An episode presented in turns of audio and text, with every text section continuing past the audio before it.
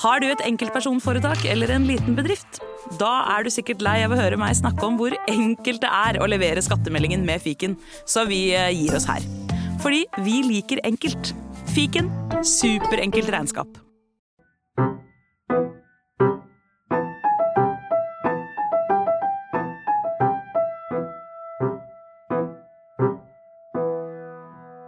Og velkommen til podkasten Frilanslivet, en podkast av min kollega Hanna von Bergen og meg, Kristina Skreiberg. Vårt mål med denne podkasten er å være en faglig og inspirerende kanal for alle dere som jobber for dere selv i medie-, kunst- og kulturbransjen.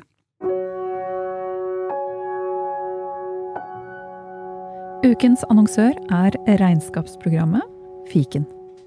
Hanna og jeg, vi har brukt fiken i mange år.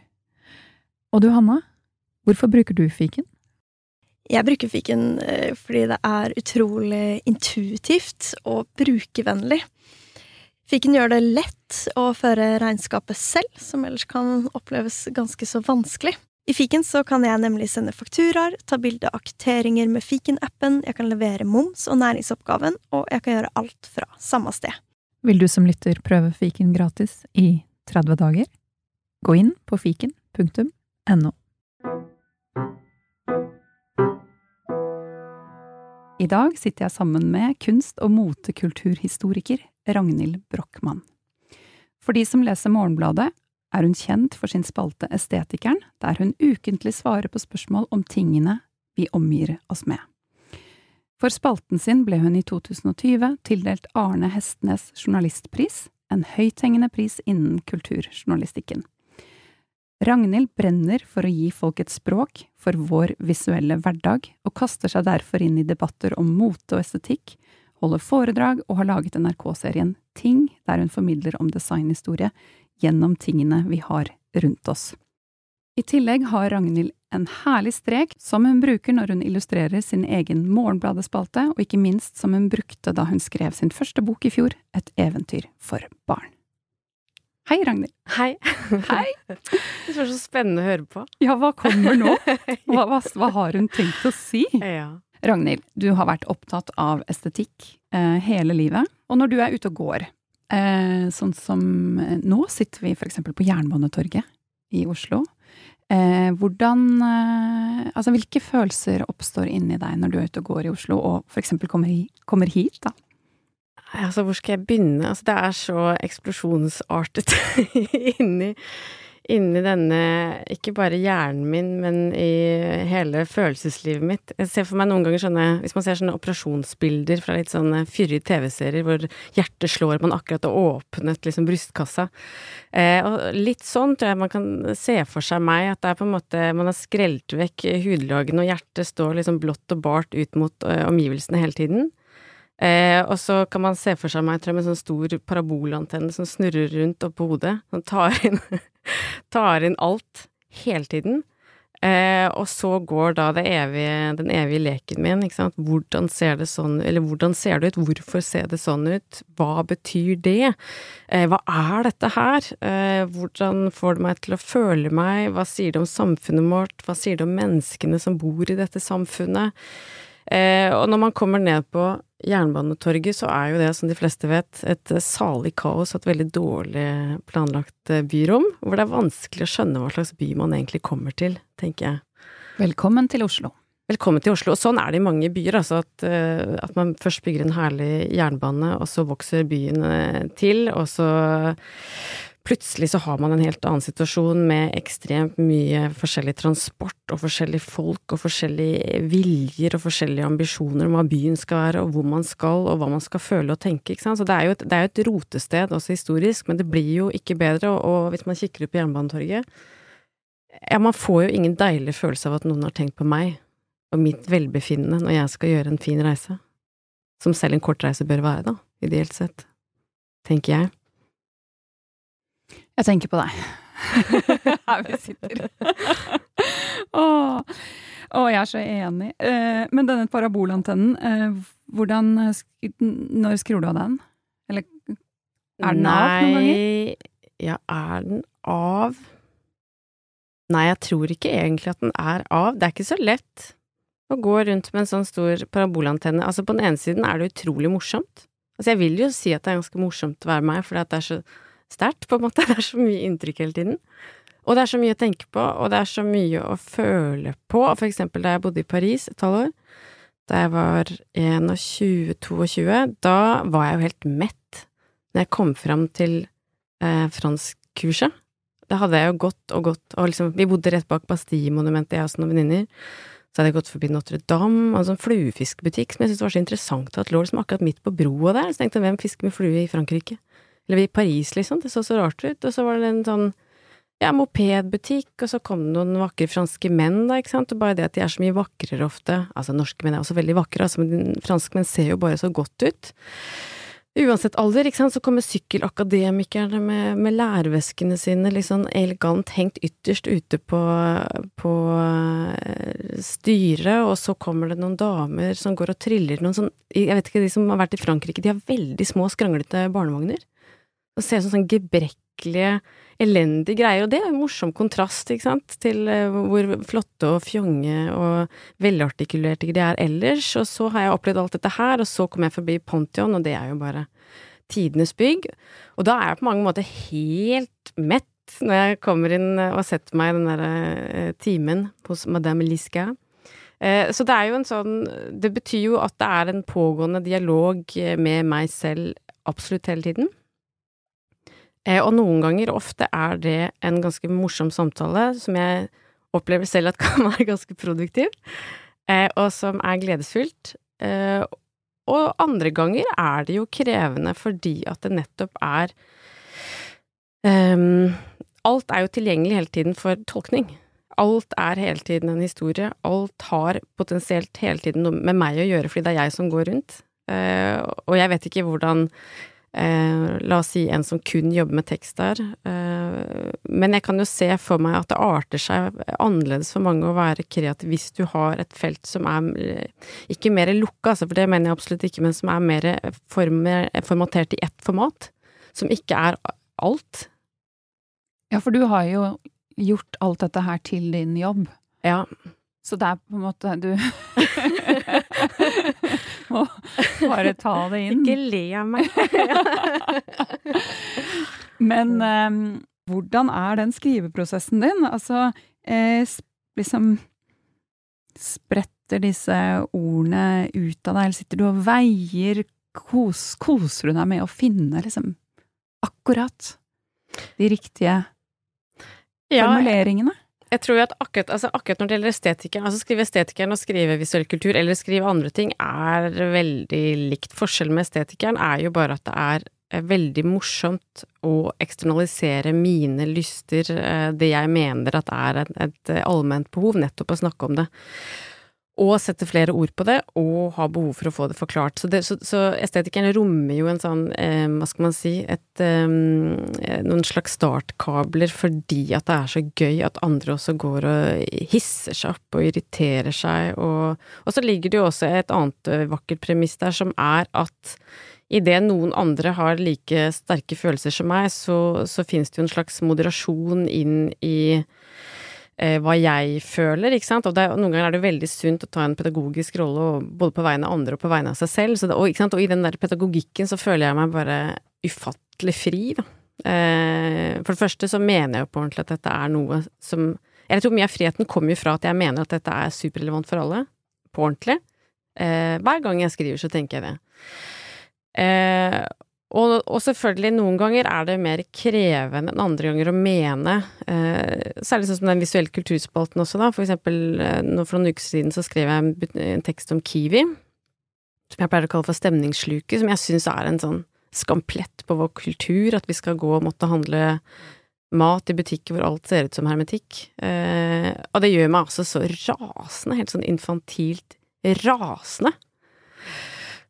Eh, at en oljenasjon skal eh, organisere seg sånn, med lavprisbutikker som ser eh, verre ut enn First Price, på en måte. Og, men òg jeg Bare liksom for å lage en kontekst rundt hvordan det ser ut, eller høres ut inni hodet mitt når jeg setter meg ned til skrivebordet, så er det klart at um, det vet jeg, eller jeg stoler på at det er en sann følelse. Jeg tror det er en kollektiv følelse, og derfor er det interessant å snakke om det, men det er klart at det er et det er et tyngre eh, Det er en tyngre lass å bære eh, og fronte noe som ikke henger på en eksisterende debatt. Det har jeg lyst til å si om, om det jeg holder på med, at de fleste, og til og med i arkitekturen endelig, hvor det virkelig raser og koker, og folk er, har masse temperatur, så er det jo Jeg sitter jo stort sett og snakker om noe som ikke har en eksisterende debatt rundt seg. Eh, særlig ikke mote, for eksempel. Altså, det er ingen som ber meg om å skrive det jeg skriver, og særlig når jeg ikke skriver altså da estetikeren, men den andre. Det er ingen som ber meg om dette. Det er ikke noen eksisterende debatt å henge det på. Og det betyr jo at da må jeg jo stole veldig på mine egne følelser. Eh, og så må jeg ta sats eh, der og tro at den følelsen er sann. Da må jeg på en måte bare, når jeg ser at den er der, det er liksom springbrettet mitt for alle som har gått på skole i gamle dager, sånn litt sånn hardt trebrett, liksom. Det gjelder å bare se det, og så løpe. løpe som en gal mot det. Eh, og så ta sats. Eh, og så er det på en måte om å gjøre å sette seg fri. Og jeg tror at min grunn til at jeg havnet der jeg havnet i yrkeslivet mitt, er jo å ha tilgang på den friheten, tror jeg. Og sånn jeg skriver, er veldig likt sånn det høres ut inni hodet mitt. Jeg tror at jeg er en sånn som tenker i hele setninger hele tiden, og det er derfor det er så fullt, på en måte, eller det er så mye, da. Så jeg trenger nok også den skrivingen for å ventilere alt det jeg tenker og, og, og føler og, og tror. Um, og så tror jeg at selve det å skrive for meg er um, Jeg tror jeg tenker, jeg tenker ganske som jeg skriver, og så tenker jeg uh, veldig lineært. Jeg har alltid skrevet uh, stiler liksom fra topp til bunn. Uh, og det handler veldig mye om å finne et anslag, akkurat som det sprettet eller, eller springbrettet, som er presist, ikke sant. Det skal, det skal, begynne med en idé eller en åpning eller et bilde som veldig ofte bare er det. Eller det Jeg har lært meg til å bli, tror jeg, veldig fryktløs i møte med det første jeg setter på papiret, fordi jeg veit at det er sant. Så det er noe med å tro på det først, tro på anslaget, og så tror jeg at selve det å skrive er ganske som Jeg tenker noen ganger at det er litt sånn som folk som lager musikkjobber, nå skulle kanskje Hanne vært der, men jeg tenker at jeg skriver eh, med en melodiøs glede, eller jeg liker at det skal bli som en slags melodi som andre kan synge. At det har noen hooks og noen eh, og noen riff, holdt jeg på å si, som, som andre bare ah det, var, ah, det var gøy å ta i munnen. Ja, det, ja, det får meg jo til å le. Ja, ja, ok, det skjønner jeg. Så det er noe med at um, For meg så er det sånn Jeg mener at alt det jeg holder på med, er jo dødsens alvor, ikke sant? Men for meg er alvoret bare interessant hvis det også er underholdende, og hvis det har en, en kraft til å pirke i deg, til å se noe du egentlig ikke har lyst til å se på, eh, og ta et ord i din munn, for eksempel et av mine favorittord som jeg har skrevet en hel tekst om til og med, som, balle, som er bare ballerusk, som faren min kunne si, for eksempel. Eh, og det er bare et så bra ja, Det er så bra ord, det er så forfriskende, det er som, det er som et slags sånn amuse bouche, liksom, før man skal innta et bedre måltid, at det er bare du, du, trenger det for å friske opp munnhulen. Um, og det, det syns jeg man skal dele. Det, det, skal stå sammen med et vakkert ord som nennsom, eller et ord som pertentlig, eller uh, eller et av de andre ordene, siden jeg er veldig, eller, veldig opptatt av språk, ikke sant, og mener at eh, gammeldagse, lite brukte ord, som jeg alltid har brukt, sikkert fordi jeg er født eh, gammel og ble yngre jo eldre jeg ble, på en måte eh, de, Altså, man skal jo unne seg alt, og så er det jo noe med å, akkurat sånn som man lager en melodi, da tenker jeg økonomisere. Eh, ettersom hvordan man føler det den dagen, og hva et spørsmål eller en tanke krever for å bli seg selv jeg for eksempel er jo en sånn som alltid har skrevet Helt siden jeg var liten, elsket å skrive, elsket å skrive enormt lange stiler. Øh, og det kan jeg også legge til for den som tror at man liksom nødvendigvis fødes eh, bramfri og eh, forrest på scenen. Jeg var jo et sånt barn som skalv så mye på hendene jeg skulle lese stilen min høyt i klassa, at jeg måtte ha en stol. Og de sendte meg til øyenlegen fordi de trodde jeg var nærsynt fordi jeg satt og presset nesa ned i teksten mens jeg skalv. og leste det høyt, ikke sant. Så det er noe med at uh, jeg tror at veldig mange kan jo føle at det de holder på med betyr veldig mye, og det, det, tror jeg, det har jeg alltid gjort. Og jeg var også et sånt barn som hadde mye prestasjonsangst, for eksempel, fordi at jeg gjorde en ting er at jeg alltid har elsket å gjøre lekser, og nå kommer det kvalmestall at Jeg kalte skolen for skoleparadiset mitt, for jeg syntes det var så gøy, og det var så mye spennende å lære. Og på Brøttum barneskole, altså bygd liksom på Hedmarkssiden av Lillehammer jeg kom fra, så hadde vi til og med et fag som het border. Borderlære. du sitter og tegner. Ja, det var så gammeldags opplegg, men veldig fint. da, Sitte og, og øve seg på fine border mellom de små oppgavene. Og det likte du? Ja, jeg ja, elsket, jeg elsket å lage border. Det syns jeg var helt fabelaktig. Eh, og men, men, det bare for å ha sagt at inn i dette her, og ha jeg tror, jeg, Det tok meg mange, mange år, og helt til jeg ble voksen, å skjønne at ja, jeg er en sånn som har mye høyt indre trykk. Ja, alt står på en måte litt på spill for meg. Hva slags slagsider har det? Jo, man blir jo veldig opptatt av alt, da.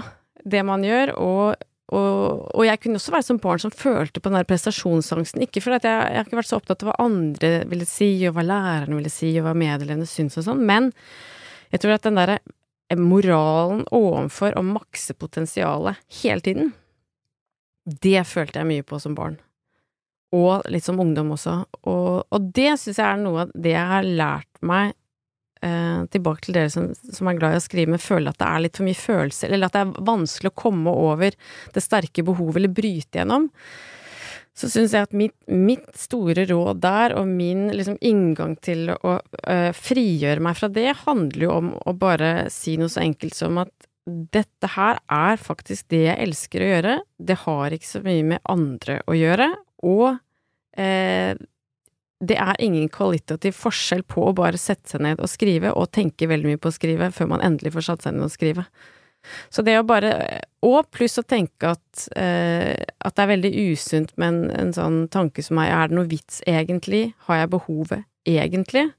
Eh, veldig frigjørende å bare tenke at ja, men nå har jeg, nå går jeg rundt og kjenner på dette her. Da setter jeg meg søren meg ned, og så ser jeg hva det er, og ikke minst hvordan det føles. Så jeg tror for meg, det der å komme til den derre friheten, er å bare skjønne at dette her er nå en gang en del av meg. Lenge syntes jeg det var så opplagt at det var vanskelig å se det på en eller annen måte.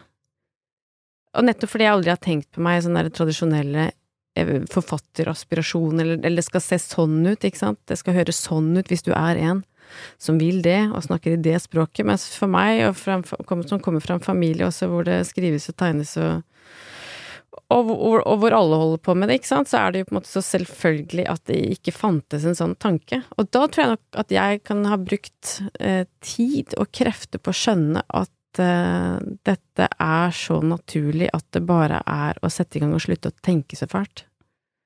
Og heller skrive om det man har lyst til å skrive om. Og i det så fins det en veldig stor fri og en veldig eh, vakker, la meg bruke det ordet, vakker ro, for da har du et sted hvor du kan være for deg selv. Og da er det noe vits, tenker jeg. Og da er det vits, ikke sant. Hvis, I hvert fall hvis du er en person med høyt indre trykk. Det gjelder å finne et rom, for la oss uh, sitere Virginia Woolf, som sikkert tusen andre har gjort nå i disse koronatider. Det gjelder å finne seg et eget rom hvor man vet at man kan stole på seg selv, og orker å være alene med sine indre kvaler. Og det rommet for meg er skrivingen. Ja, det er ett av flere rom, eh, når jeg tenker meg om. Men det er ett bra rom. Du nevnte dette um, anslaget ditt, at du tar sats, og så går du for det og stoler på det. Um, og også det at du må tørre å på en måte adressere det som kanskje ikke andre har skrevet om, eller mm. potensielt sett starte en debatt. Eh, tviler du noen gang på om Om liksom Ja, om anslaget ditt er rett? Mm, nei, jeg tviler ikke så ofte på anslaget. Altså sånn, bare for å ha sagt det, jeg kan godt eh, gjenbesøke tekster. Altså, jeg liker best å skrive fra topp til bunn, eh, og, og, og, stole på den der one sit-ideen, at det er en eh, At det gjelder å sit, sette seg i en situasjon hvor du, hvor du har kapasitet til å holde hele argumentet over så lang tid som det tar å skrive teksten. Og, og det sier jeg også fordi at jeg skriver kortere tekster, ikke sant. Men, men jeg kan godt gå tilbake og tenke og, og, pusse og flikke også, og jeg kan godt, for eksempel sånn som jeg gjorde en del før, Uh, I en periode av livet hvor jeg var mye syk, det kan vi heller snakke om etterpå, men i hvert fall da kunne jeg godt ringe faren min, for eksempel. For det første fordi jeg elsker å lese. Uh, jeg leser jo alt jeg skriver høyt, for at uh, ja, litt, man, litt, moro skal man ha på hjemmekontoret, men også fordi at det er deilig å høre det flyte, som den melodien jeg håper at det er. Og fordi at det er deilig å ha et gjensvar i det andre enden av telefonrøret, eh, og ha en liten slags eh, ja, men en slags liten Radio Ragnhild-sesjon med teksten min også, også fordi faren min er, er veldig flink til å Han er en veldig god lytter, og en veldig morsom lytter, ikke sant, så det er jo sånn eh, Jeg tenker at eh, jeg kan godt eh, i all min nitidighet eh, har lyst på en ekstra bekreftelse på at tanken jeg holder, er sann, men jeg tror akkurat det derre Akkurat anslaget, det er tekstens eh, sterkeste del for meg. Eller det er en sånn Der vet jeg at det er sant, eller at det ikke er sant. Og jeg vet det med en gang, på en måte. Det er jo selvfølgelig litt eh, erfaring og trening og sånn, men det er en Um, hvis det anslaget er der med glede og kraft, og kraft er også veldig viktig for meg, det må være kraftfullt, da vet jeg at det bærer resten av teksten.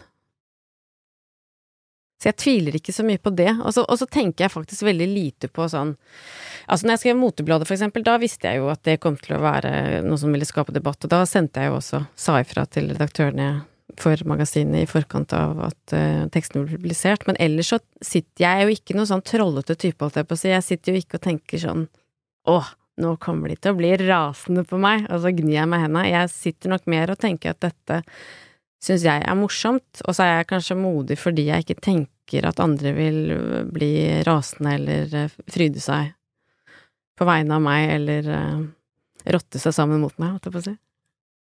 Ja, for du er jo bare deg. Bare én? Så du skal jo tåle det? ja, jeg er bare én.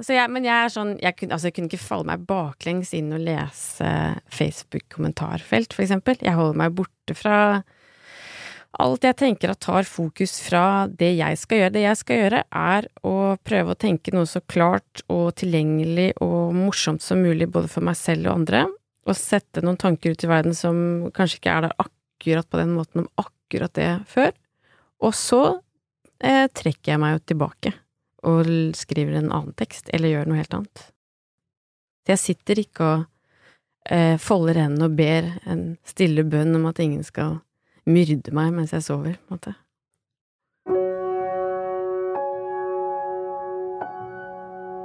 Ukens annonsør er coworking spacet 657 i Oslo. Som frilanser kan man jo føle seg ganske alene, og savnet etter kollegaer eller et sted å gå til kan være stort. Vi vil anbefale deg å sjekke ut 657, for de retter seg mot oss som er i den kreative bransjen og har masse fokus på community. Akkurat det å ha andre mennesker å spare med når man jobber alene, kan være utrolig verdifullt. 657 de har en egen mentorordning, slik at du kan utvikle deg. De har foto- og podkaststudio til en sympatisk pris, og tilbyr fleksible løsninger for deg som kun trenger et sted å sitte et par dager i uken. Les mer på 657.no. Du var i en ulykke da du var 26 år gammel, som snudde livet ditt på hodet. Mm. Kan ikke du fortelle litt hva som skjedde? Jo, jeg hadde da bodd i London et år. Jeg var i en slags sånn rekalibreringsfase av masteren min. Jeg hadde bestemt at jeg ikke skulle skrive om arkitektur og smaksutvikling og smaksdanning, som jeg hadde tenkt først, men at det måtte være den moten. Og bare å komme seg til mote Altså for alle dere som er interessert i mote og som er studenter, nei, det er ikke så veldig lett å jobbe med mote i Norge av den enkle grunn at det ikke eh, fram til bare for noen år siden har vært en eh, teoretisk utdanning hvor du faktisk kan fordype deg bare det. Så da måtte jeg jo bruke estetikk som jeg kommer fra, for Blindern, som er en tverrestetisk, eller tverrfaglig eh, utdanningsplattform, for å, å eh, få lov til å gjøre det prosjektet. Og for å på en måte komme dit, så dro jeg til London og måtte bare ta noen andre fag, komme meg litt bort, og det var jo kjempefint. Eh, da satte jeg den nye tesen min, og ikke sant, var og så alle disse Apropos bli overstimulert, altså London er jo på en måte en fin by, men også en slitsom by, for det er jo bare så med folk, og så utrolig mange som vil være den eneste ene i verden som har funnet opp kruttet, eh, både med tanke på klær og gründing og alt mulig. Eh, og så har jeg et halvår hvor det bare er litt sånn krevende da òg, for at jeg får ikke lenger lov til å sitte på universitetet hvor jeg hadde fått masse venner fordi at jeg da var registrert bare ved Blindern og masse sånn tekniske ting. Så jeg er litt sånn sliten, litt sånn kjørt, på en måte. Jeg har både hatt det veldig bra, fått masse ideer, og, og blitt liksom sliten og bare skjønt hvor ensomt dette masterlivet kan være. Eh, og samtidig skjønt at det er denne moten, og at det er noe jeg må gjøre selv. Og så kommer jeg hjem og, og skjønner at eh, jeg må tilbake til Oslo, at det blir deilig, jeg får meg en ny leilighet, jeg, livet begynner å liksom glatte seg litt ut, og så er det rett før ene broren min skal gifte seg, og eh, jeg er hjemme på Lillehammer, hvor jeg kommer fra, altså, med, og sitter sammen med moren og faren min og spiser eh, reker mens jeg koker et sånt syltetøy til kaka til broren min. Um, og så går jeg på Maihaugen, som er, for den som lurer på det, Norges fineste utendørsmuseum. Uh, hilsen Patrioten. Uh, og så møter jeg en kamerat der, og så sitter vi og ser, ikke sant, eh, sankthansbålet brenner ned, og snakker om ja, fy fader, det er krevende å være midt i livet, men nå begynner det å løsne litt, og ja, det er spennende tider foran oss. Så kommer det en sånn veldig sur eh, Securitas-folk med schæfer, helt sånn klassisk slem, stor hund, slem, stor gutt, som sier at vi må ha oss ut av parken. Og så går vi ut, jeg sier sånn, vi går snarveien, for jeg har sykkelen min nede der i gjerdet. Og så går vi dit og har det helt herlig og skal videre på en annen fest, og ikke drukket så mye. Det er bare en sånn deilig kveld. Eh, mildt og vakkert. Og så kommer vi til gjerdet, og da er det en sånn jordvoll som er bygd opp med en sånn naturmur rundt. Og oppå den naturmuren så er det et sånt eh, stakittgjerde, og så sier jeg ja, vi klatrer over her, for at her står sykkelen min. Og så klatrer vi rundt, og så setter jeg bena mine mellom de stakittpinnene, sånn som man gjør når man er barn, og holder de oppe. Eh, og det siste jeg tenker, er at nå ville mamma synes at jeg klatra så fornuftig.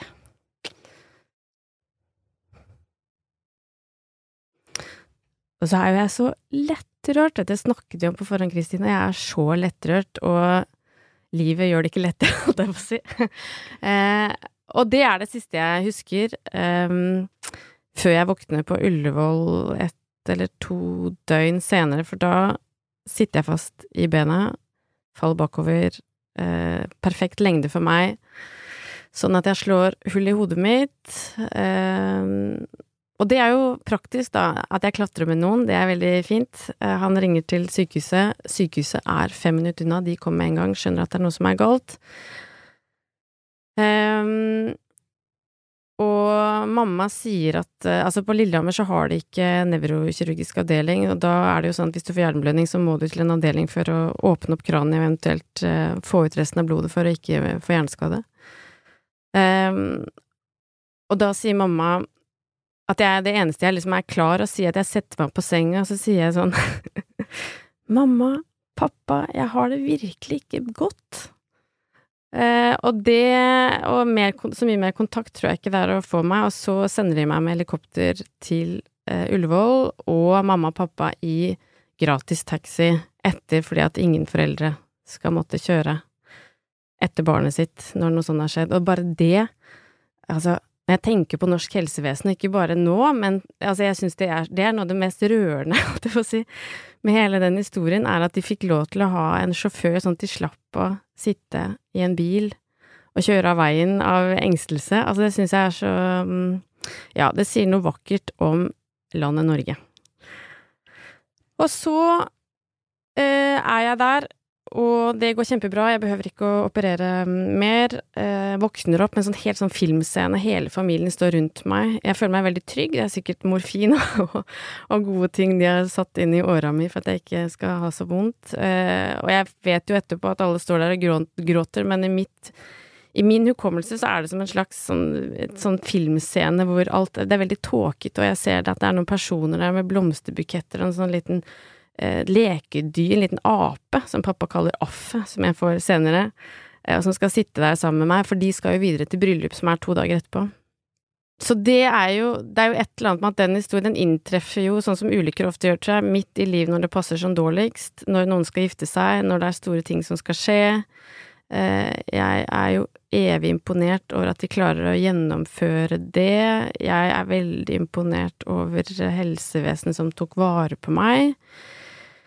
Eh, og så flytter de meg over til Lillehammer, og det første jeg gjør, bare for å pense tilbake til moten, det første jeg gjør når jeg endelig får lov til å gå meg en liten tur, det er å gå ned på Fretex på Lillehammer, eh, som er min favorittbutikk, og kjøpe meg et par bukser eh, med knapper på siden, hvor jeg bare Og da har jeg fortsatt en stor sånn det som heter monokkelhematom, en sånn enorm blodutredning bak det ene øyet, så jeg ser ut som jeg har fått hatt en britisk mann som har banket meg helseløs. Jeg husker jeg går som en gammel dame i byen sammen med mamma.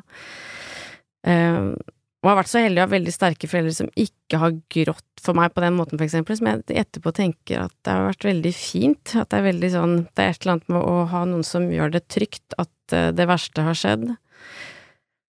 Og så, for å gjøre en lang historie kort, så sier de på Lillehammer at dette har jo gått kjempebra, nå skal du bare hvile i to måneder. Um, alt blir som før.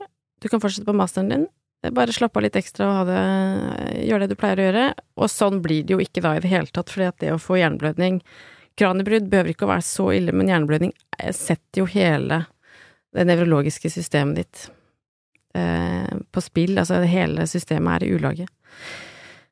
Og snart kan jeg ikke lese, jeg, det er som å ha vann i øya hele tiden, det er som å være bakfull, det er en veldig rar eh, ikke sant, det er, det er en sånn urven, konstant trøtt, sliten, ikke sant, det er ikke sånn som jeg hadde trodd. Og her er en ny, vakker historie om eh, norsk helsevesen og Ullevål. Her er det sånn at legen som pappa tar imot, eller som tar imot pappa og mamma, han har akkurat da lest en A-magasinartikkel, et magasin jeg tror du har skrevet, Kristina. Eh, han har lest en artikkel om å være den legen som gjør en forskjell, og gir noe ekstra. Og jeg er den første pasienten som kommer inn. Som får glede av det? Som får glede av det. og han og pappa Pappa er meget ikke sant? Han får meget god kontakt med noen og enhver. Han er veldig pratsom, eh, så der har jeg sikkert det fra. Eh, og de får veldig god kontakt. Og så ringer pappa ham senere når han sier at Lillehammer sier at jeg bare kunne gjøre som før, men jeg er kjempedårlig. Og da sier han ok, jeg ringer henne. Så han ringer meg Eh, Håkon Asak heter han. Han ringer meg, og så sier han du, det fins et sted som heter eh, Sunnaas sykehus. Har du fått noen oppfølging? Og han forteller masse, er kjempehyggelig, ikke sant. Eh, og så søker vi meg inn på Sunnaas sykehus, og et halvt år etterpå, og det blir på en måte begynnelsen på seks år hvor jeg aldri vet om jeg kommer til å bli frisk. Jeg vet ikke om jeg kommer til å klare å lese noe særlig lange tekster. Jeg vet ikke om jeg kommer til å bli smertefri, for smertene boller på en måte bare på seg. Jeg tror sånn er det for veldig mange som får en alvorlig ting, så kobler jo resten av kroppen som før kanskje har vært litt i ulage, for meg mage for eksempel, eh, blir en kjempestor ting, og det er det jo mange som ikke kan om, så både mage og nevrologi oppå hverandre er jo bare tidenes dårligste kombinasjon, og nakken er helt håpløs, og det føles som om ja, det føles veldig ofte som om Jeg tenker ofte på foreldre som har sett Julekongen, eller har barn som har sett Julekongen. Det er som om noen har klypt meg i nakken med sånn stor sånn ridderhanske. Altså, det har vært en sånn hele tiden en sånn følelse av å være kuet, og ikke få lov til å gjøre det jeg har lyst til å gjøre. Og aller verst av alt, ikke vite. Ikke sant? Ingen kan fortelle meg om jeg kommer til å bli frisk, selv om Sunnaas også er et helt fantastisk sted, så er det jo bare Det er bare et halvt år inn i forløpet. Ingen vet hvordan det blir. Eh, ingen kan fortelle meg eh, om jeg bør eh, fortsette med utdanningen min eller ikke, for eksempel. Men så da er du på Sunnaas en periode. Mm. Og så hvordan tar du liksom gradvis fatt på livet igjen? Hvordan ser livet, eller starten på disse seks årene, ut?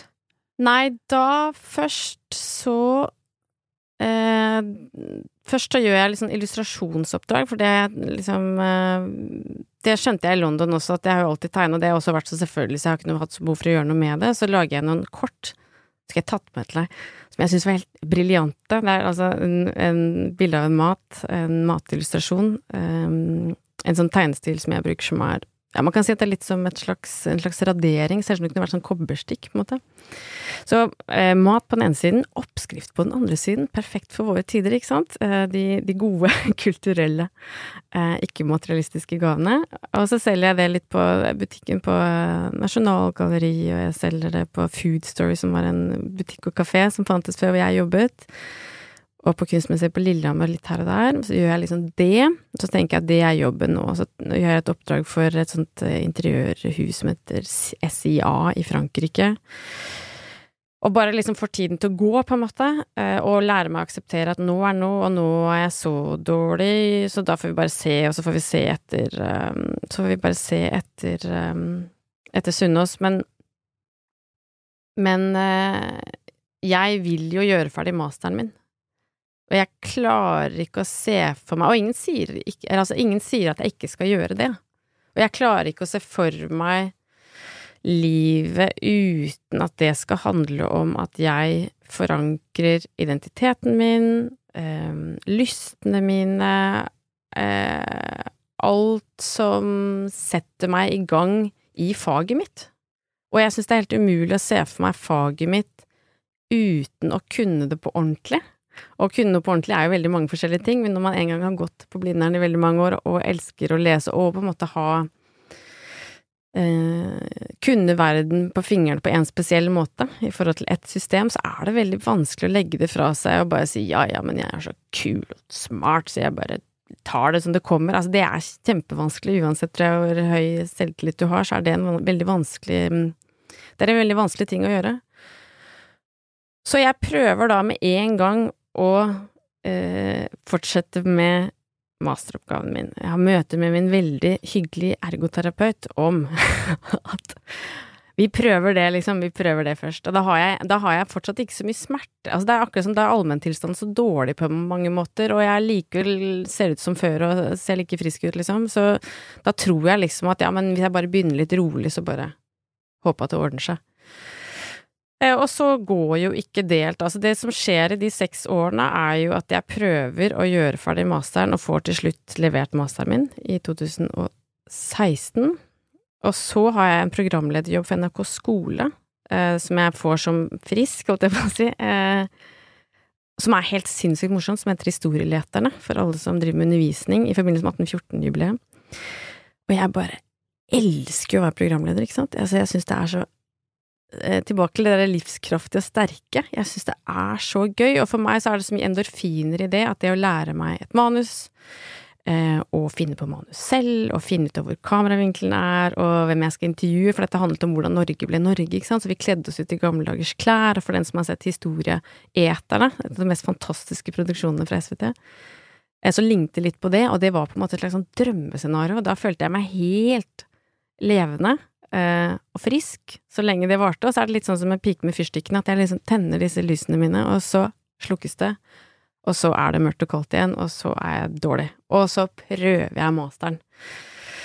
Så det har liksom vært sånne blaff av ting innimellom som har blitt til det jeg gjør nå, da. Eh, og også det der med mm, å holde foredrag, og jeg blir invitert til å holde foredrag i noe som heter Fashion Focus, og så blir jeg snart debattleder av det, og det er jo et mikrosamfunn, holdt jeg på å si, ikke sant. Det var jo til og med på en tid hvor motesamfunnet bare var veldig mye mindre enn det er nå, bare for 10-15 år siden. Og det syns jeg er kjempegøy, og jeg behandler det med all mulig liksom patos og innledning, og bare mm, tar scenen med eh, omsorg og maks kraft hver gang jeg har anledning til det, og sånn er jeg sikkert litt også, men, men det ligger sikkert en sånn strategi i det som er at eh, at hvis du ikke gjør det lille du har ordentlig, så har du jo ingenting, og det du gjør ordentlig, det setter seg jo som en slags bitte lite fettlag, sånn at jeg har noe å tære på. Alle de periodene som har vært supermagre. Og i samme periode så, så tar jeg jo også og konverterer alle tekstene jeg har skrevet til noe som kan publiseres et sted, ikke sant. Sånn, det, et magasin som et Persona som ikke fins lenger, der kunne jeg få ut noen bacheloroppgaver, ikke sant. Det er å på en måte kvel, liksom skvise sitronen til siste tynne lille dråpe. Og så skriver jeg eh, Har jeg et kjempefint fag som heter Ti ting på eh, Blindern, med en professor som heter Kjetil Folland, som jeg senere får som veileder, som blir også en slags sånn vekker. Da har jeg et veldig godt halvår, og så skriver jeg en eh, oppgave om Masai-skoen, ikke sant, den der helt ufattelig stygge, halve uthulte rugbyballen som faktisk ligner litt på Hoka-skoene som alle er med nå. Eh, og så skriver jeg en akademisk oppgave om det, om hvorfor man, sant, hvordan kan man faglig begrunne og, og, og kritisere, hvordan kan man helt saklig kritisere et tilsynelatende helt trivielt objekt, og skrive en, en, stor, omfattende historie rundt det på ganske få sider. Eh, jo, det kunne jeg faktisk gjøre innenfor rammen av denne oppgaven som ellers kunne vært litt tørr. Og det er bare kjempegøy. Jeg syns det er så artig at han professoren min syns det er så topp, at det er en topp måte å gjøre det på. Og så sender jeg den til Morgenbladet, og de syns den er topp, og da er det OL eh, i London, så da tenker jeg at da har de kanskje en bitte liten syltynn krok å henge noe litt sånn uvanlig på, og det har de da plass til. Så da har jeg liksom plassert et lite ben i Morgenbladet. Eh, så og jeg lager litt studentradio, ikke sant, og lager korte sånne radiosessayer som i prinsippet også er veldig likt det som, er, som eh, Veldig likt det som estetikerne estetikeren er. Og så i 2018, eller 2017, så får jeg meg praksisplass i NRK Kultur. Er NRK Brenner, da via Nav. Det har jeg også lyst til å si, at Nav, for alle dere som syns at det er et grusomt sted, det er det sikkert også, men for meg har det vært kjempebra. Jeg har møtt så hyggelige saksbehandlere. Eh, så mitt tips til alle som er på Nav, eller, og i disse tider er på Nav, det min strategi det er å komme dit med en slags stresskoffert, med noen veldig konkrete ideer. og gjerne være full av selvtillit selv om du har dårlig nakke og alt er på en snurr. Eh, konkrete ideer hvor du legger fram 'her er det jeg har lyst til å gjøre', jeg tror det er veldig sannsynlig at jeg får til dette. Og det jeg oppfatta da, var at de syntes at det var helt herlig at jeg hadde lyst til å gjøre så mange ting, eh, og at de hjalp meg i det. Så så det er også et slags sånn tips, da. Det tror jeg liksom, ja, for alle koronarammede i yrkeslivet, og frilansere særlig. Eh, bruk Nav for det det er verdt. De er faktisk ikke bare kjedelige å snakke med. Ja, det er et kjempebra tips. så Nav bydel Sankthanshaugen, jeg takker dere av hele mitt hjerte. Eh, og så For at det blir sånn lang og så-historie, men i hvert fall da, den høsten der, så begynner jeg ikke sant, Jeg har levert eh, masteren min året før, jeg begynner å bli ganske frisk. Eh, og for første gang så begynner jeg å føle meg som meg selv igjen. Og når er vi da? Hvor er vi nå? Nå er vi på høsten 2017. Ja. Eh, og og bare for å ha sagt det til alle dere som ikke nå i forbindelse med korona, men, men som for eksempel bare jobber 50% eller som har en helse som gjør at ting konstant er litt sånn vanskelig eller tilbakevendende problematisk. Jeg brukte i hvert fall to år på å skjønne at man blir veldig trist av å ha det vondt, og at det ikke er noe man kan tenke seg fra. Altså, det hjelper ikke å være smart når du har smerter. Eh, om noe så kan det til og med bli verre, for det er jo så infernalsk at du ikke skal være smartere enn sykdommen din, eller smartere enn smertene dine. Eh, så det der med å eh, skjønne hva smerte er, det tar lang tid.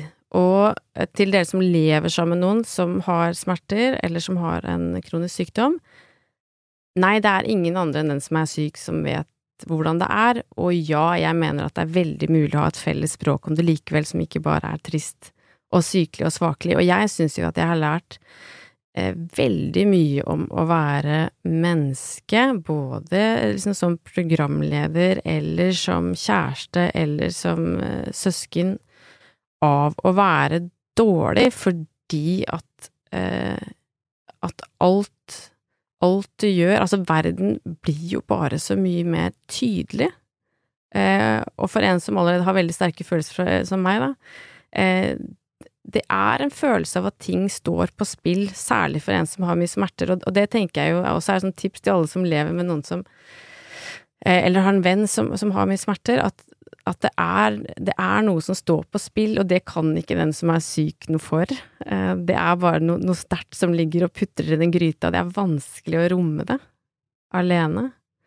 Eh, så Ja, det kan kjennes veldig ensomt å ha mye smerter.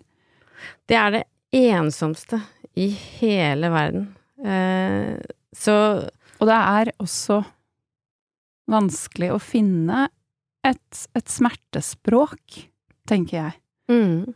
som er Som man selv kan Som man selv er komfortabel med. Mm. Ja, sier jeg som også har mye smerter eh, noe av det jeg tenker oftest på, og som jeg syns er mest irriterende med meg selv, det er at jeg fortsatt har så lav eh, takhøyde for å være menneskelig.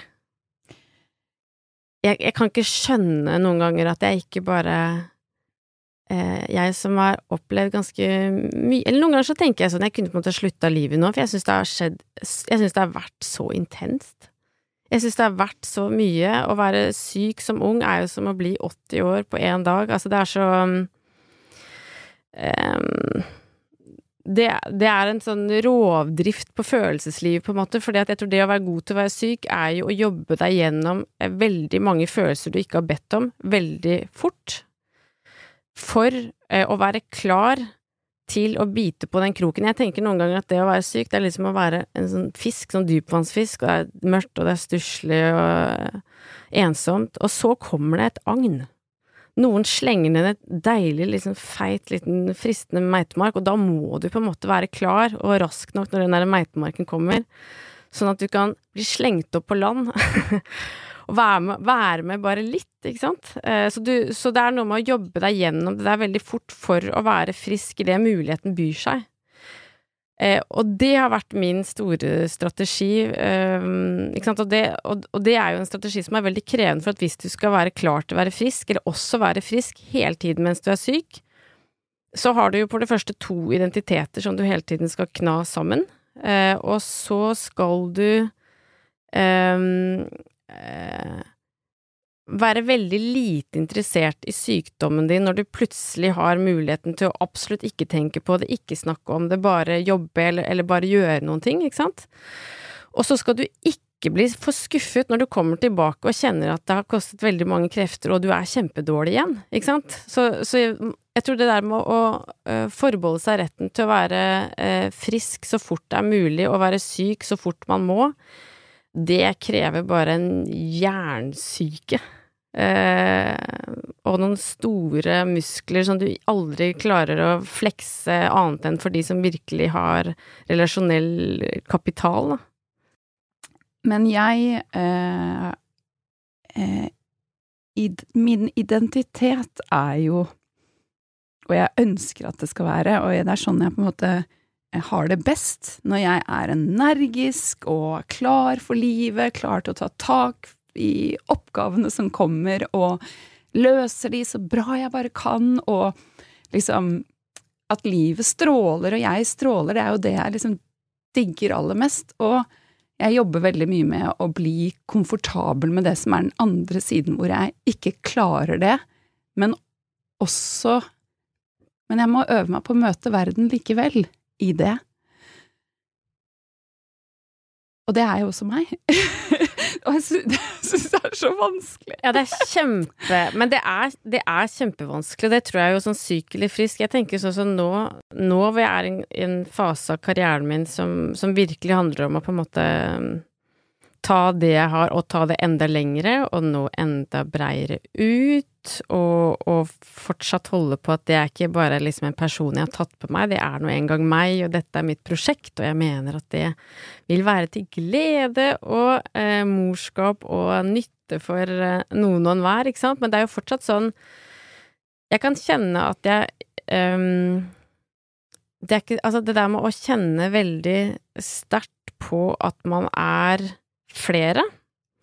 Husker, for å være liksom bibelsk, jeg er mange. Jeg føler noen ganger at det å liksom konsolidere de ulike personene og skjønne hva det krever, og bare å være Nå som jeg er smertefri, stort sett, og eh, å være ute på tokt, liksom. Eh, og stråle og være superlett og hyggelig og, og kul og neppe og kunnskapsrik og rolig, ikke sant. Altså, det er jo, det er jo noe jeg, både jeg og du eh, en ting er at det er deilig å ha det sånn og føle på det, men, men det er jo også et, en, noe med å sette seg fri, og ha overskudd til å sette seg fri, og, um, og, være, og, nettopp ikke være så opptatt av hva alt betyr for noe hele tiden, eller hva det skal være godt for, eller om det egentlig er verdt noe, ikke sant. Jeg tror veldig mange, i hvert fall jeg, elsker kontroll, ikke sant, på den andre siden. Jeg elsker å være fri, ja, men jeg elsker kontroll, og jeg elsker å vite at det er det budskapet jeg mener at det er viktig, som kommer ut i en sånn fantastisk strøm av klarhet, sånn at andre bare kan bade i det, ikke sant?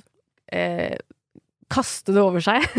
Så noe absolutt lett, mens det bare er jeg som vet eh, at dette er noe avansert. Jeg har kokt i hop, liksom, eh, med min største eh, kjærlighet på kammerset, ikke sant. Så det er et eller annet med den derre eh, å skjønne hva letthet koster. Ja, hva letthet koster, ja. Det, det, er noe av det jeg tenker mest på, tror jeg, for tiden. Fordi at uh, jeg tror alle vi som er frilansere, vi vil jo sitte igjen ikke bare med et rasjonelt regnskap. Nå er jeg flink, for at nå går det veldig godt rundt her, og jeg har fått noen stipender, og det er topp. Men det fins jo en slags veldig reell forventning om å være i kontakt med store, viktige følelser, tror jeg. I hvert fall er det sånn for meg. Og å skjønne um, hvordan man får følelser som både er, har maks styrke, fordi at det er det, apropos det fettlaget jeg snakket om i stad, at det både fordi maks styrke er på en måte det fettet som lagrer seg, som man trenger å tære på når man sitter mer alene eller skriver lengre ting, eller er mer Eller er en tørke i oppdraget, eller ikke sant. Det, man trenger det, men samtidig eh, finne en slags sånn system for også å føle passe mye. Jeg føler jo veldig sjelden at jeg for eksempel bare er helt ah, nå er jeg jammen rolig. Jeg er ikke så ofte rolig med mindre det kommer rett i forkant eller i etterkant av en, en større prestasjon, for eksempel. Jeg vet ikke hvordan du er der. Nei, jeg jobber med å være rolig. Eller er det interessant å være rolig? Det er jo også et spørsmål, da. Jo, jeg, jeg nyter roen, men jeg, jeg, jeg, finner mine måter å Det er liksom yogaen og meditasjonen og turer i skogen og de tingene der. Er, men jeg må jobbe ganske mye for å finne roen. Fordi jeg har så mye eh, Mye virvelvind inni meg. Så mye jeg skal gjøre. Ja, sant. Men det er jo akkurat det jeg tenker, jeg er fortsatt for urolig, og, og det kommer jo sikkert av at jeg har hatt sex og jeg har ligget ufattelig mye på matte uten å, å ville det, så det er klart at min Min uro nå kommer jo også fra et sted eh, og fra en tid hvor jeg måtte legge enorm demper på eh, skapertrangen min, og ikke minst hele identitetsprosjektet, som det både er å bli voksen og få seg en jobb og finne kjærligheten og ikke sant, alle disse tingene, men, men eh, jeg tror nok nå Jeg, jeg syns at eh, ja, det der med å finne den roen jeg, jeg, jeg, er for urolig til å sitte og meditere. Det, det er ikke et prosjekt for meg ennå. Jeg kan gjerne elsker å trene og få utløp, men jeg finner fortsatt mest ro i forbindelse med tydelig utløp. utløp. Men hvordan har det vært å på en måte få livet ditt tilbake, og at eh, du har jo sakte, men sikkert bygget opp en slags frilansvirksomhet mm. mens du var ganske dårlig, mm. og så bli smertefri, og så begynner jo, ser det ut som, de siste årene masse ting å skje. Mm. Og um, da vil du kanskje gjøre alt? Eller hvordan har det vært? Ja, man vil jo gjøre alt. Altså for det første så er det jo sånn, du bestemmer jo ikke alt det der, da. Og det er jo eh, Jeg husker eh, musikklæreren til venninna mi sa en gang at livet kommer i klumper. Da tenkte jeg sånn, det var jo helt fantastisk upoetisk, men veldig sant. Så det er jo sånn I 2018 så da, altså, da, er jeg på NRK på høsten, og da har jeg møtt Anita Reinton Utgård, en herlig journalist som jeg lager ting med, TV-serien. Uh, ikke sant? Og, og, det er jo basert på et materiale som jeg har hatt liggende i gryta mi og puttere uh, i mange år. Uh, og da lager vi pilot sammen, og hun forankrer det i NRK-systemet, så det skjer i januar 2018. Samme uke møter jeg min fremtidige mann. Det skjer første uka i 2018, og Estetikeren kommer ut for første gang i 2018, som jeg da har pitcha på høsten i 2017 og sagt at du, dere har jo Etikeren, men strengt tatt skulle ikke dere hatt estetikeren, og estetikeren er meg. Så på første uka i januar 2018, da begynner på en måte det nye livet mitt.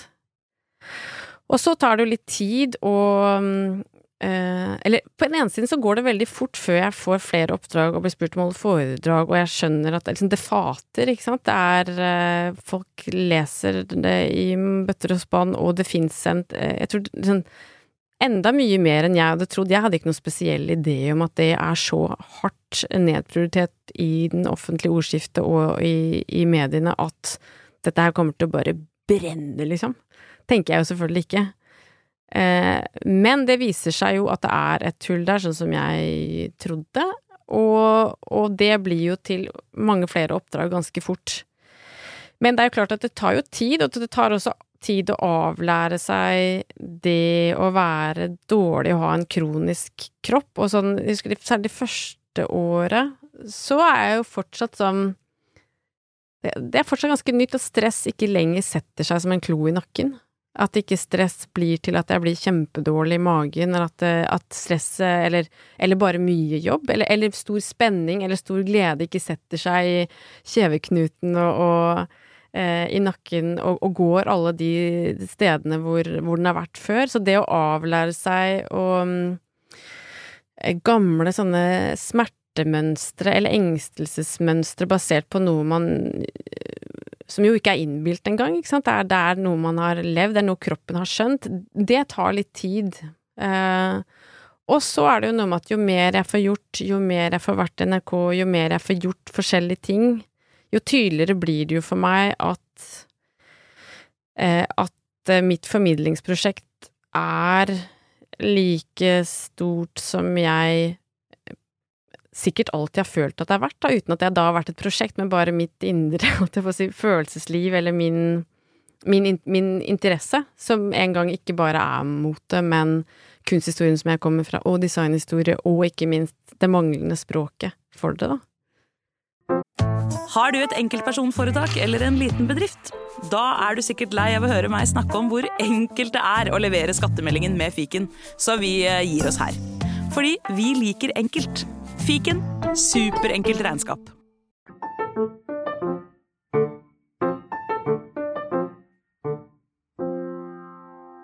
Det sa mannen min en dag til meg, sånn, ja, for du er ikke så god til å være i prosess. Og så sa jeg, men jeg er jo prosess hele tiden, jeg er jo kjempegod til å være prosess. Ja, men du liker ikke så, men du liker det ikke så godt likevel, gjør du egentlig det? Fordi at du blir liksom urolig. Sånn, og det er på en måte sant. Jeg kan få veldig lyst til å, å, å komme med en løsning, eller å manifestere at eh, ja, det er dette jeg har lyst til.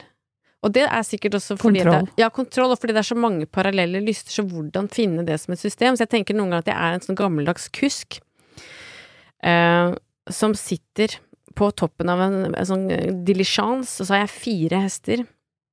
Og noen ganger er det bare full trav, og liksom, og jeg har flosshatt, og kappen min blafrer, og det er bare helt et fantastisk syn og en, og, en herlig, eh, og en, herlig, jobb å ha. Og andre ganger så er det bare Ja, men hestene løper ikke helt samme tempo, og det er bare utrolig mye å se på på veien, og det er masse spennende folk, og det er liksom parasoller og muffer og hatter, og det er helt fantastisk.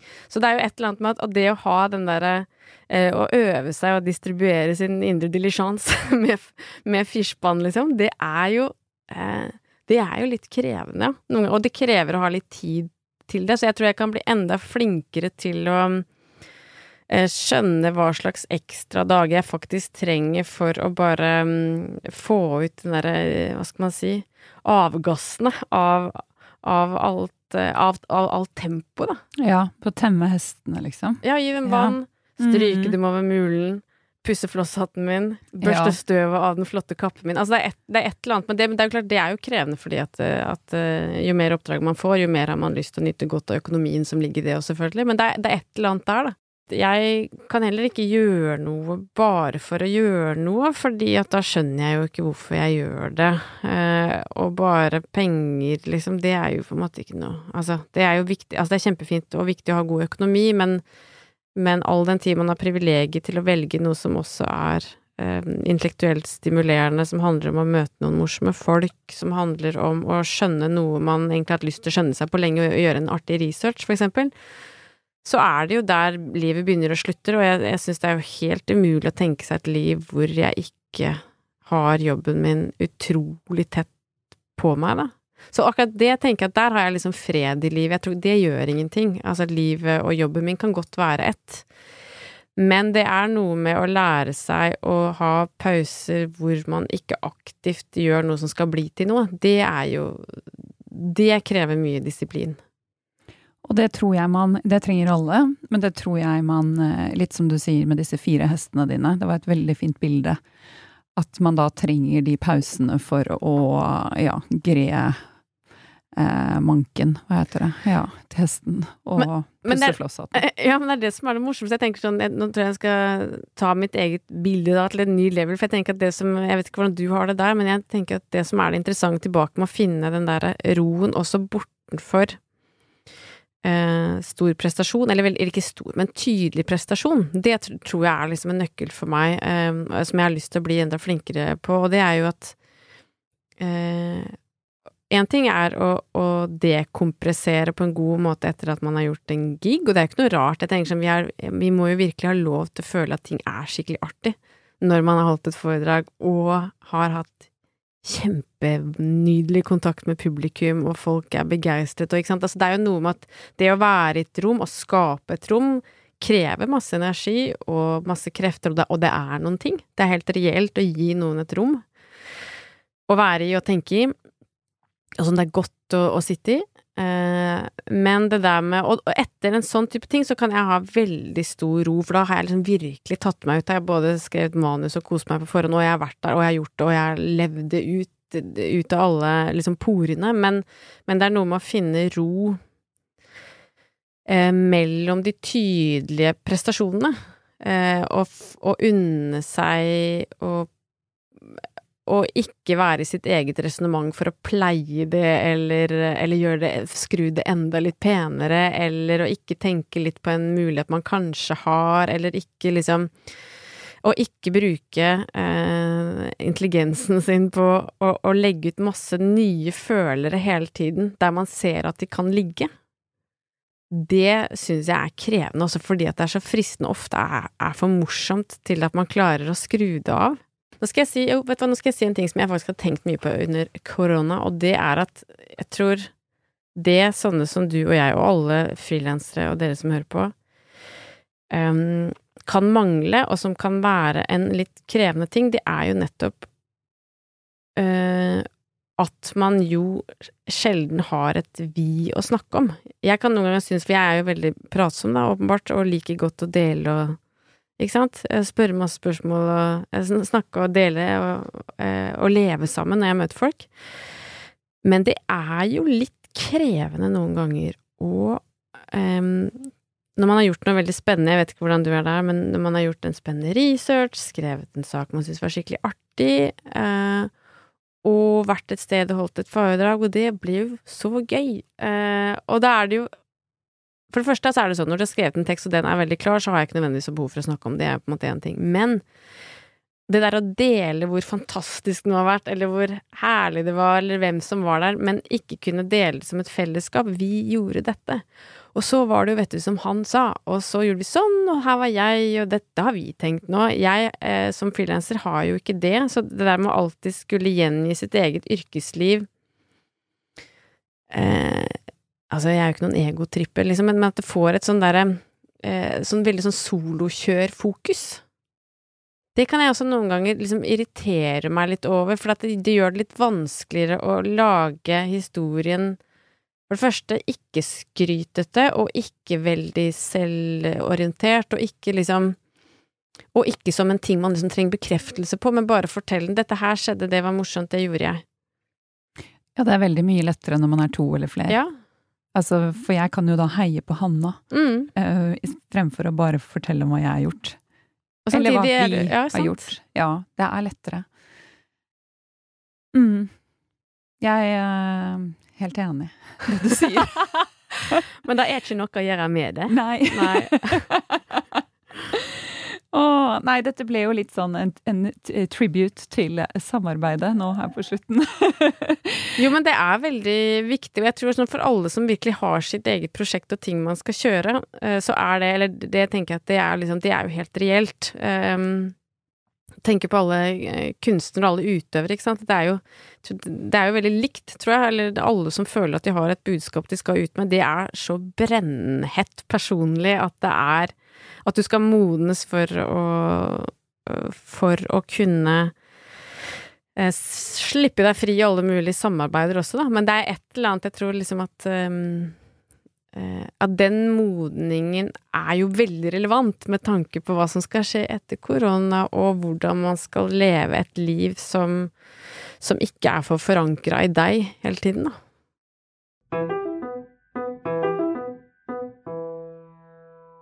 Du har en gul stuevegg hjemme, og den har gjort at du har havnet på forsiden av Oslo Design Fair sitt magasin, og i en artikkel i DT hvor bildet av deg i stuen din er spredt over to sider. Og jeg tenker alle burde skaffe seg en gul vegg. Ja, nei, er Eller hva? nesten- Jo, Hvis det det, nesten, fører til så mye oppmerksomhet.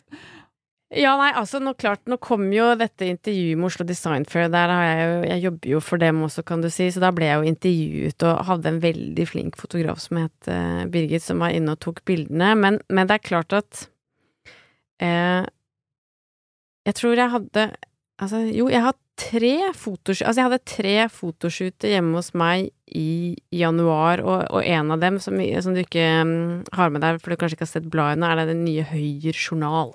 Oh ja, der òg, ja. med Julie Livet kommer i klumper. Ja, livet kommer i klumper. Så plutselig eh, så viste det seg at eh, gult var i vinden. Det var jo selvfølgelig en kjempeskuffelse for meg, som ikke er noe opptatt av å gjøre som de andre, for den veggen hadde vi malt et halvt år før. Men det som i hvert fall er helt tydelig, er jo at jeg tror når du bygger karriere eh, og holder på, så er det noen ganger lettere å skjønne at eh, man kommer med noe som er eh, kjærkomment for de som eh, distribuerer kulturen rundt omkring oss, og da særlig mediene.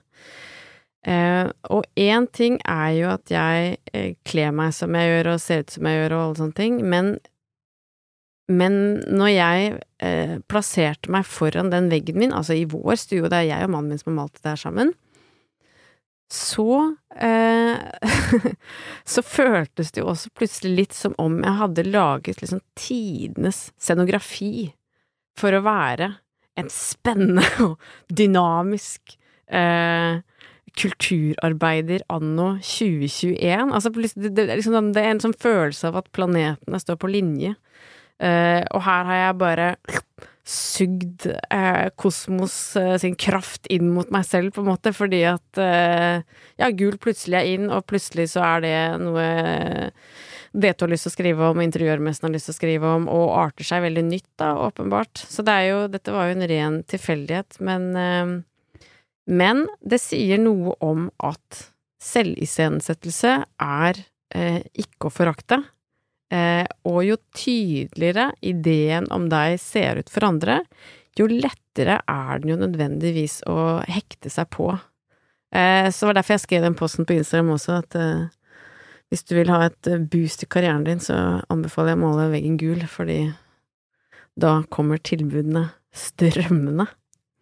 Ja, for jeg skulle til å si at mange har en gul eh, vegg, eh, eller en eller annen farge på veggen sin, eller mange farger, eh, uten å på en måte oppnå den synligheten.